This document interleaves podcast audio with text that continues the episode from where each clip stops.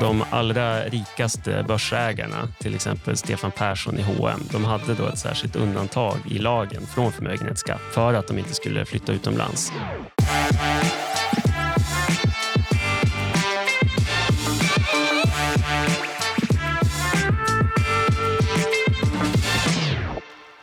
Du lyssnar på Ekonomerna med mig, John Norell och mannen, myten, skatteexperten Jakob Lundberg. Hur är läget Jakob?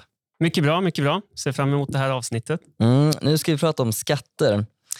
Visste du att eh, i antika Rom så hade man skatt på urin? Ja, det finns väl det här uttrycket pengar luktar inte. Du, du visste om detta? Vad, kan du berätta, vet du någonting mer om den här skatten? Varför, varför den kom till? Det är väl som många andra skatter, att det var praktiskt att ta in. Man hade de här uh, offentliga toaletterna i Rom uh, Mm. och så tog man ut det här urinet för att använda till gödsel och annat. Och Det var liksom ett smidigt sätt för staten att ta in pengar där. Det är en sån bizarr skatt att man, man tycker att det är så knepigt. Har du någon annan exempel på någon knasig eller konstig skatt som man har haft i historien? Ja, ett klassiskt exempel är en skatt på fönster som har funnits i många länder, även i Sverige faktiskt. Alltså, mm. Eh, Men det mest klassiska är ju i England där man hade en fönsterskatt under ett par hundra år, 1800-talet, 1700-talet. Eh, Jag var i London här för, för någon månad sedan bara. Och då kunde jag liksom, det är lite kul som, som nördig skatteekonom att här kunde jag se mina teorier i verkligheten. Eh, att- Va, varför införde man en skatt på fönster? Det var ju, det var ju ja, som, som med urinskatten. Det var lätt att ta in. Skattemännen de kunde gå ut på gatan och bara räkna antalet fönster och så beskattade man efter det. Eh, Fönsterna de, de stod där de stod. Just det, och det var svårt att veta människors inkomster och förmögenhet. Ja, man kunde se ja. hur många, det var enkelt. Liksom. Mm. Ja, precis. Men i alla fall, när jag var i London då kunde jag se effekten av den här skatten. Ja. För det var ju flera olika fönster som man hade bordat igen då, helt enkelt. Så att man, det, man hade murat igen fönsterna. Det var ett sätt att skatteplanera. Ja, Man ja. tog bort fönstren. Ja, precis. Ehm, och det, då ser man ju också effekten av skatten. Att folk fick sitta där i mörkret i onödan och inte ha någon ventilation eller någonting. eh, bara på grund av att politikerna hade infört den här skatten. Som ju förstås är väldigt korkad och skapar Ja. stora problem för samhället. Men man, man prioriterade att det skulle vara enkelt att dra in den.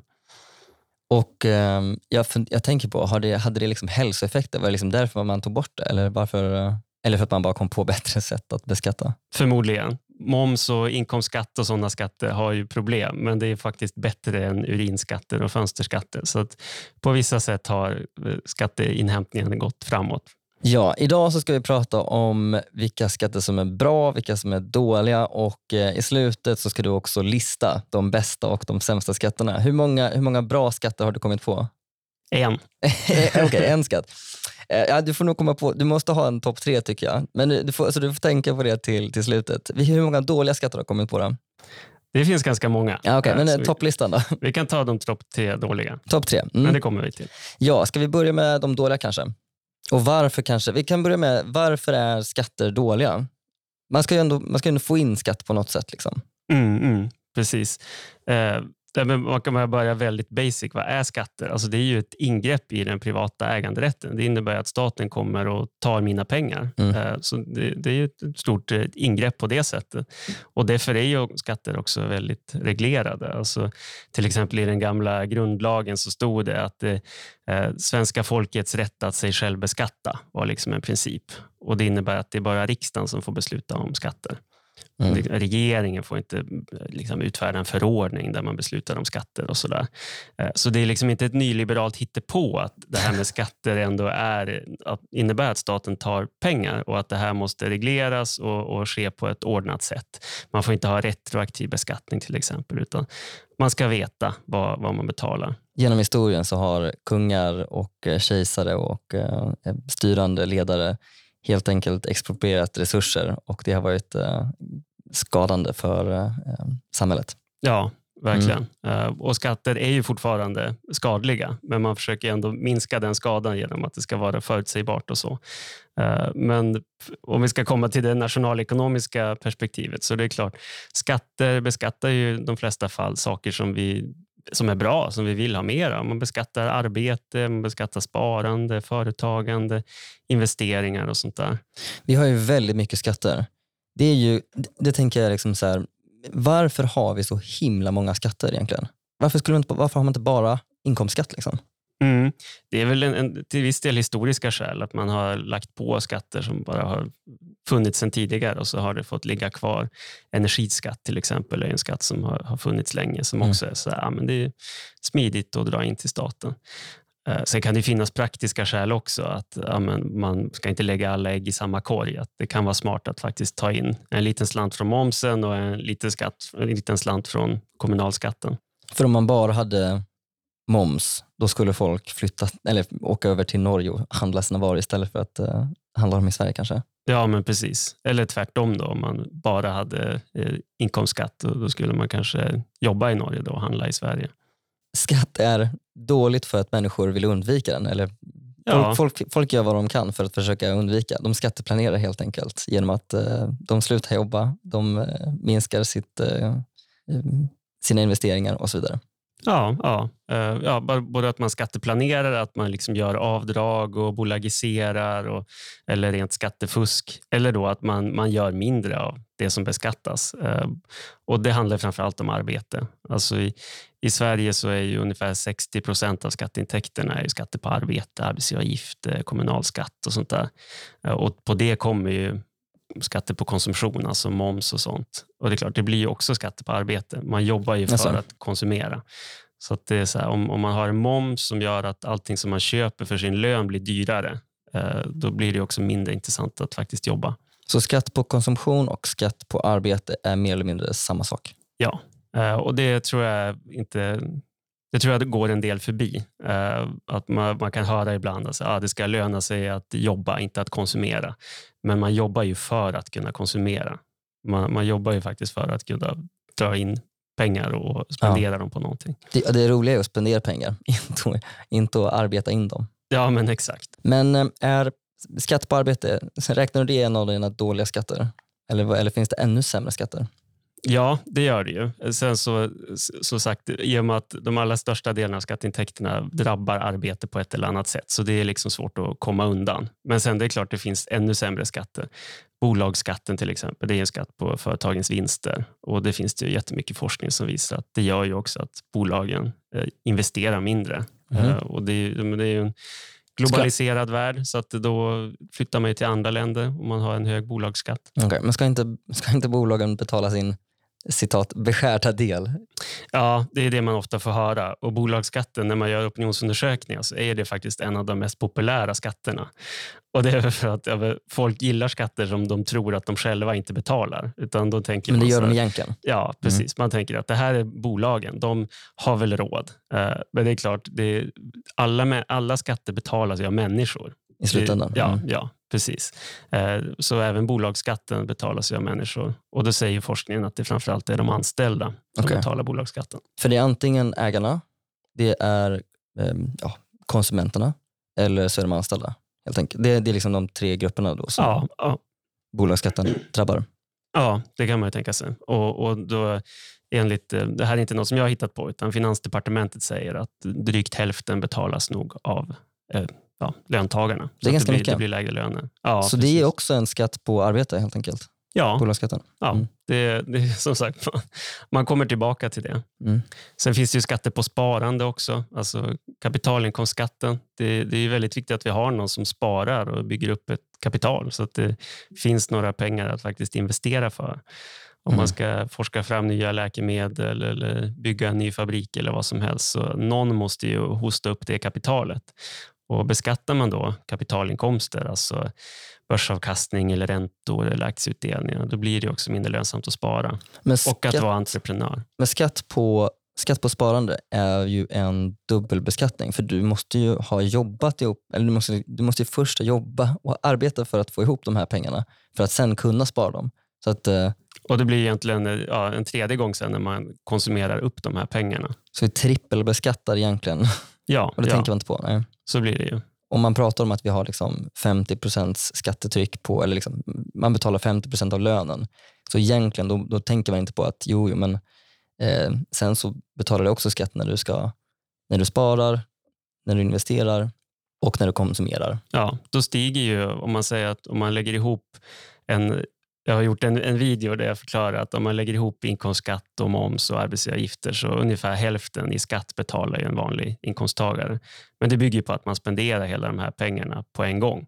Så det är klart, tjänar man in pengarna då betalar man inkomstskatt arbetsgivaravgifter och sen så man säger att man sparar de här i tio år, de får växa på börsen, då betalar man ju bolagsskatt och indirekt och så kapitalinkomstskatt när pengarna växer. Så det blir ju ytterligare ett lag av beskattning. Då. Och så sen igen såklart när man ska spendera moms. Mm. Ja. Men om man inte är anarkist eller anarkokapitalist, då tycker man ändå att ja, men vi behöver ha ett skattetryck för att kunna staten måste kunna spendera pengar och resurser. Ja, det finns ju det här uttrycket att skatter är priset för ett civiliserat samhälle. Mm. Den amerikanska skattemyndigheten IRS har ju det som, som sin eh, ledstjärna. Vi får väl se om vi får eh, hat på Twitter efter detta från några anarkister som tycker att, nu, att vi är sociala. Nej. Ja, nej, men det, det, får man faktiskt säga. Det är ett nödvändigt ont ändå. Ja, mm. precis. Sen så är det klart, man kan diskutera hur stor staten ska vara, men om man är överens om att det åtminstone ska finnas liksom, nattväktarstaten polis och försvar och sånt, då måste ju den också finansieras på något mm. sätt. Polis, försvar och rättsväsen är väl kanske det viktigaste, tänker jag. Ja, ja, ja då, precis. då behöver vi ha någon skatt. Ja, mm. så är det ju. Om vi, väntar med eh, topplistan över de bra skatterna och bara tar, eh, vi går in på de dåliga skatterna. Eh, vi har pratat om skatt på arbete, investeringar, sparande och, och så vidare. Eh, räknar du dem som de liksom, sämsta skatterna? Eller eh, var, eh, om vi ska komma in på liksom, riktigt dåliga skatter? Skulle säga en av de allra sämsta är nog förmögenhetsskatten som Sverige hade då, fram till 2007. Mm. Alliansen avskaffade den. Varför är det, en, det låter som en väldigt populär skatt. Och varför är det en dålig skatt? Det gör ju att det blir mindre lönsamt att spara och, och bygga upp en förmögenhet. Och man kan tycka att det är principiellt tveksamt också i och med att har man en förmögenhetsskatt på 1-2 procent av förmögenheten varje år. Det låter ju inte så mycket, men det innebär ju ja, man betalar det varje år och det innebär nästan till slut att staten har dragit in hela den här förmögenheten. Och Det här skapade ju också utrymme för jättemycket skatteplanering. Drev ut kapital till skatteparadis och sådär. Folk flyttar. Mm. Ja, ja, arvsskatten var ju lite liknande eh, som avskaffades då 2004 av Göran Persson faktiskt. Men båda de här skatterna var ju i princip frivilliga skatter. Alltså, hade man duktiga skattejurister och så där, då kunde man planera sig bort från de här så skatterna. De rika, de som hade en förmögenhet, de behövde ändå inte betala för att de flyttade till Caymanöarna. Ja, och i, i vissa fall fick de dessutom, ja, och i vissa fall fick de dessutom ett, ett undantag av Socialdemokraterna. Yes.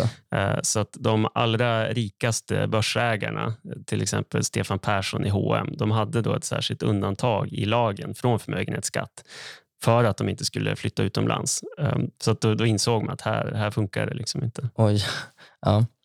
Så att förmögenhetsskatten och arvsskatten är en av de sämsta skatterna. Det är tur att vi inte har det nu då. Mm. Ja, verkligen. Um, sen tullar är såklart, det är också riktigt dåliga skatter. Skatter det... på utrikeshandel. Ja. Uh, och det, det, vet vi ju. Det finns ju jättemycket forskning och som visar att Äh, när vi handlar med andra länder så gynnas båda av det. Då kan vi koncentrera oss på det vi är bra på. Det gynnar konkurrensen, man kan ha stordriftsfördelar, allting. Det är intressant att det är en sån populär, populär skatt ändå, att, eh, att man e-, beskattar import men inte export. För att det är ju egentligen, alltså, vi, in, vi exporterar ju varor för att kunna importera. Liksom. För vi har ju ingen användning av liksom massor med, med rubel. Vi måste ju använda dem. så att vi, ja, Exporten är ju sättet som vi betalar för att kunna liksom, eh, köpa in massor med varor från andra länder. Ja, precis. Det är, ju, det är ju nice att få grejer från andra länder. Det är tråkigt att behöva skicka bort en massa ja. stål och bilar och sådär. Det är ju ett nödvändigt ont för att kunna importera. Ja. Uh. Så egentligen är ju skatt på export liksom samma sak som skatt på import. Mm, mm. Och det är dåligt för att vi handlar mindre med andra länder. Men tyvärr så, så, finns ju det ändå. Det här känns som ett ämne för ett kommande avsnitt, men eh, mm. vi har ju väldigt starka särintressen inom jordbruket och sådär. Alltså, såklart, de driver på för att skydda sina egna näringar. Ja. Vad är nästa riktigt dåliga skatt? Där skulle jag säga stämpelskatten. Och Det är en skatt som tyvärr fortfarande finns kvar. Stämpelskatten är också en sån här gammal skatt. Och, och Det handlade om att när man köpte en fastighet eller belånade en fastighet, alltså intecknade en fastighet. Eh, då fick man gå till Lantmäteriet då, och så fick man den här eh, köpehandlingen stämplad och då var den giltig. Och det är klart, då såg ju staten att här har vi en möjlighet att ta in skatt. För att vi ska stämpla den här fastighetsaffären och få den att gå igenom så var man tvungen att betala den här stämpelskatten. Så varje gång man flyttade så, eller köpte fastigheter så var man tvungen att betala en särskild skatt? Ja, och så är det på? fortfarande. Hur mycket är det på? Den ligger på ett par procent. Eh, av en, eh, en till tre procent mm. av, av priset man betalar. Och det blir ju ganska mycket. Alltså om, ja. man, om man köper en, en fastighet för, för 5-10 miljoner det, det blir ju över 100 000 bara i stämpelskatt. Och så är det tagit lån för. Liksom, så det, kanske, ja, mm. ja, precis. Eh, men stämpelskatten måste man ju betala ändå. Ja. Eh, och säga att man bor där i fem år eller någonting. Det, det kan ju lätt bli flera tusen i månaden som man betalar bara var, i stämpelskatt. Och Varför är det en sån dålig skatt då? Ja, det gör ju att det blir, folk blir mindre intresserade av att flytta. Det, det är ju en, en transaktionsskatt, så det, det, minskar ju rörligheten. Att folk sitter kvar i sina villor fastän man kanske skulle ha flyttat någon annanstans, flyttat till barnen eller flyttat till ett bättre jobb eller vad som helst. Så folk, flytt, precis, folk är mindre rörliga på bostadsmarknaden. Så att pensionärer kanske egentligen skulle, skulle vilja bo i någonting mindre och eh, öppna upp eller liksom, så att någon annan kan bo i den där stora villan. Mm. Ja, men stämpelskatten lägger ju en våt filt över det. Då tillsammans också med reavinstskatten på fastigheter. Det, det, det, känns som ett ämne för, för en annan podd. Ja, men, alltså man betalar kort. vinsten man gör när man säljer en fastighet, att det har gått upp i värde, betalar man reavinstskatt på. Det låter ju som att det är ganska samma sak som den du sa alldeles nyss. Stämpelskatten? Reavinstskatten är inte riktigt lika dålig i och med att du betalar ju bara på själva värdeökningen. Du betalar ja. inte på hela priset du betalar. Men det, det bidrar ändå till mindre rörlighet på ja, bostadsmarknaden. Okay. Ja. Vad är nästa riktigt dåliga skatt då? Där skulle jag säga elskatten. Ehm, för det, Sverige har en, en, skatt på elektricitet, 35 öre per kilowattimme. Och Det känns också väldigt onödigt. Alltså el är ju inte dåligt för miljön i sig. Det är klart man, man ska ju beskatta utsläppen om, i elproduktion och det gör man genom EUs utsläppshandel. Ehm, så att den som släpper ut koldioxid betalar ju för sig på det sättet. Ehm. För man förknippar väl kanske den lite grann med skatt på energi, eller på liksom, att det är en klimatskatt, men det är det inte egentligen. Nej, och alltså, Sveriges elproduktion är ju till 98 procent eller något sånt där fossilfri från första början. Och Man ska väl snarare se det som tvärtom, att nu för klimatomställningen, för att nu ska ju stålet ska ju börja göras med el nu för tiden och bilarna ska gå på el och sådär. Och att då beskatta el känns ju väldigt konstigt. Samtidigt så industri och så betalar i princip ingen elskatt. Men det är klart, har man, har man elbil hemma betalar man elskatt. Okej, det var de riktigt dåliga skatterna. Nu, nu tog du faktiskt upp fyra stycken. Eh, ska vi ta en topp fyra då kanske? Ja, vad sa jag då? Förmögenhetsskatt med mm. arvsskatten också lite grann där på sidan. Eh, tullar, stämpelskatt på fastighetsaffärer yes. och elskatt. Då. Ja, det blev de fyra. Och vem, vilken är, om du ska ranka någon, vilken som är sämst? Ja, men då blir det den ordningen. Sämst förmögenhetsskatt, ja. näst sämst tullar, tredje plats stämpelskatt, fjärde plats elskatt. Mm. Ja, men det är, bra, det är bra. Då har vi listat de sämsta skatterna. Har vi några som är liksom och innan vi går in på liksom bra skatt, skatt en då, som, som du sa. Finns det några som är liksom neutrala, varken bra eller dåliga? Liksom? Ja, det finns ju sådana skatter i teorin. Uh, och om man tänker då, ja, men vad, vad vill vi att en bra skatt ska göra? Ja, den ska inte påverka folks beteende så mycket. Uh, den ska inte beskatta arbete, den ska inte beskatta investeringar och sånt. Och Då kan man ju tänka sig bara en klumpsummeskatt. Alltså man betalar en klumpsumma. Tu, tusen spänn i månaden eller mm. något sånt där finns ingenting man kan göra åt det. Och Då kommer det inte heller påverka hur mycket man väljer att jobba och sådär. Eh, så på så sätt så drar den ju in pengar till staten utan att skada ekonomin. Och det skulle vara en skatt som du betalar oavsett om du jobbar eller inte? Ja. Det låter, så, jag kan förstå varför folk skulle ha en invändning mot en sån skatt. Precis, så som sagt, det är en bra skatt i, i teorin för, för nationalekonomer, eh, rent effektivitetsmässigt. Ja. Eh, men sen eh, om man tittar på fördelningseffekterna så är det inte så, så positivt kanske och den är inte heller så populär. Eh, man har ju försökt införa det här. Margaret Thatcher försökt införa en sån här skatt. Poll tax kallas det i, i slutet på 80-talet i Storbritannien. Och det var inte så populärt? Nej, Nej. hon fick ju avgå också. Ja. Eh, så, så gick det med det. Så gick det med det. En annan sån här äh, skatt som är många nationalekonomer tycker är teoretiskt intressant är markskatt också. Eh, Okay. För det, marken är också så, den, den ligger där den ligger. Beskattar du den eh, så, så kommer det inte göra det mer eller mindre lönsamt att bygga eller något sånt där. Men det gäller just att det, man får bara beskatta själva marken, inte byggnaderna som står på den. För det kan man ju påverka. Ja. Beskattar man byggnader, som ju dagens fastighetsskatt gör, den beskattar ju både markvärdet och byggnadsvärdet. Och Det gör ju att det blir mindre lönsamt att bygga. Så folk bygger mindre. Det blir mindre värdeökningar på eh, ytan, eh, Sveriges yta. Mm. Ja, man väljer att investera mindre i att renovera upp och sådär och bygga nytt förstås. Jag kan förstå varför människor som äger hektar, eh, typ skogsägare eller lantbrukare, liksom, att de skulle inte tycka om en sån skatt. Ja, det är klart. Skulle man införa en, en generell markskatt så skulle det bli en stor omfördelning från sådana som äger väldigt mycket mark. Eh, och Det skulle ju också drabba dem ganska mycket direkt man införde skatten. Så skulle ju såklart värdet på all mark falla väldigt mycket. Okej, varför då? Om man ser det ur ett investeringsperspektiv. Så om jag tänker, ska jag köpa mark versus investera i något annat? Och så har man plötsligt, helt plötsligt infört en markskatt som gör att jag kommer behöva betala x antal kronor varje år. Då är jag ju beredd att betala mindre för marken. Just det. Eh, så det som, man kan ju, på det sättet kan man ju likna en markskatt nästan med en eh, expropriation, alltså en indragning av mark till staten. Reduktion hette det ju förr i tiden. Eh, så Karl X Gustav och såna höll på med att man drog in adelns gods till staten. Och En markskatt blir ju lite liknande då, att man drar in avkastningen på mark till staten. Så egentligen att införa en skatt på mark eh, som betalas varje år är mer eller mindre en skatt på de som äger marken just nu genom att man drar ner deras värde. Ja, och de som köper mark i framtiden, de kommer ju egentligen inte drabbas av markskatten på det sättet. I och med att ja, de kommer behöva betala markskatt såklart, men de kommer ju också få köpa marken billigare. Det där är ganska icke-intuitivt. Ja, eh, men det säger ju också någonting om varför det här inte påverkar effektiviteten i ekonomin. I och med att det innebär, ja, men vi, inför en markskatt 2023, det innebär, sig, och det innebär i princip att vi drar in en del av det här markvärdet till staten.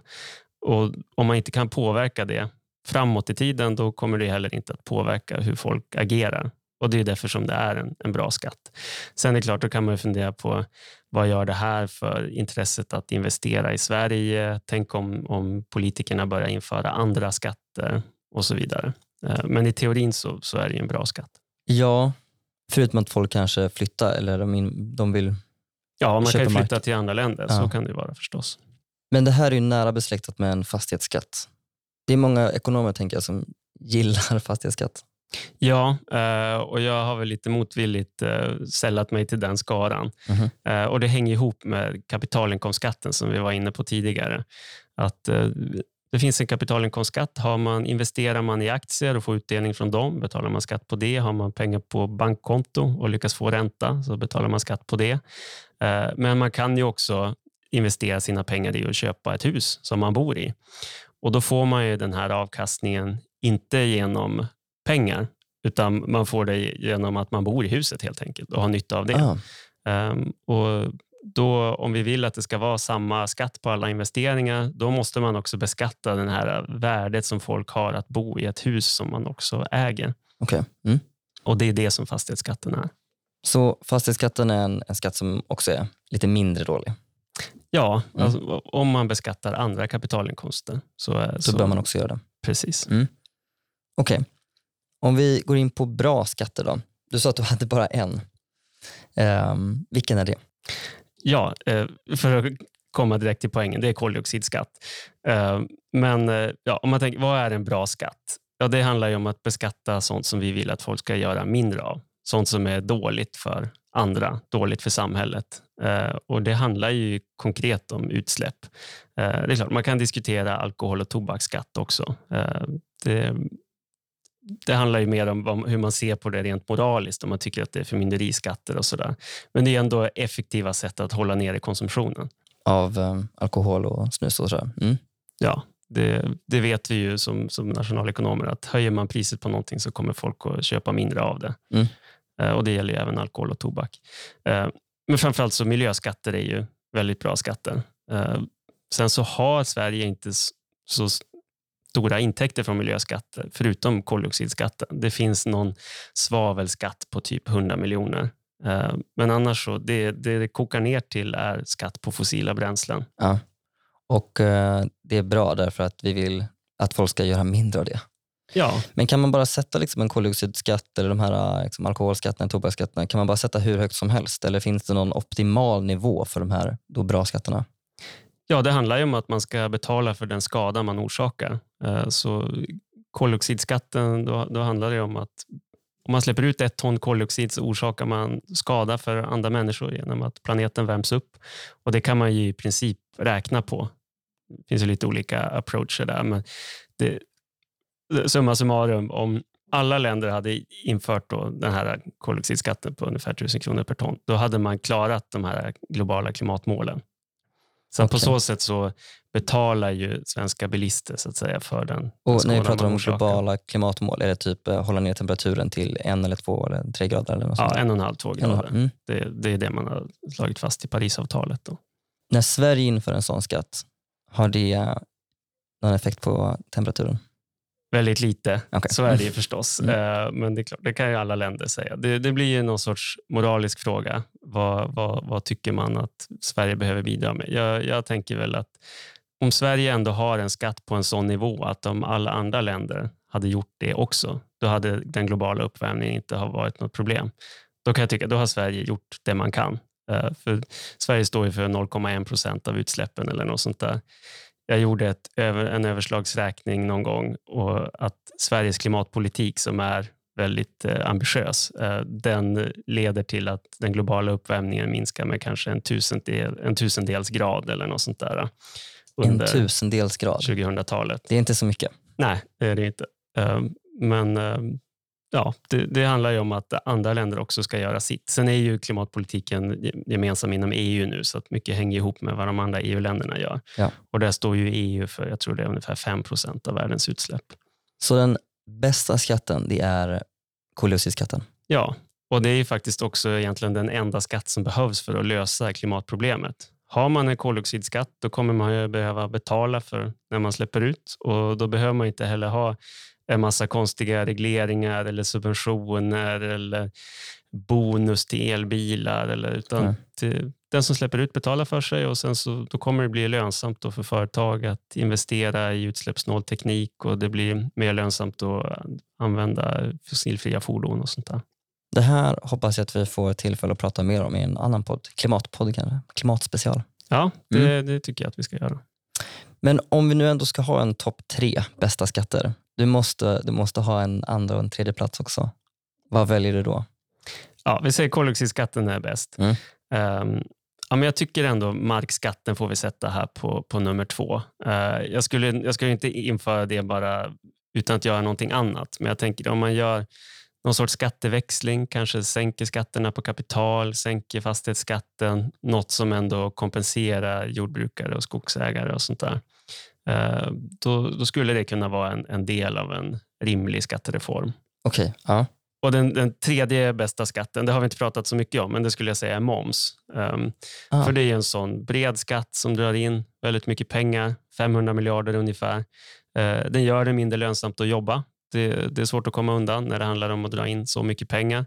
Men den gör det ändå på ett ganska smidigt sätt. Det, jag, jag har lovat att jag ska inte gå in i nörderierna i hur momsen funkar. Det har jag skrivit mycket om i andra sammanhang. Men det, det är en skatt som, som funkar väldigt bra i och med att den är kedjebaserad. Så man tar in en liten dutt från alla företag som är involverade i, i produktionen av någonting.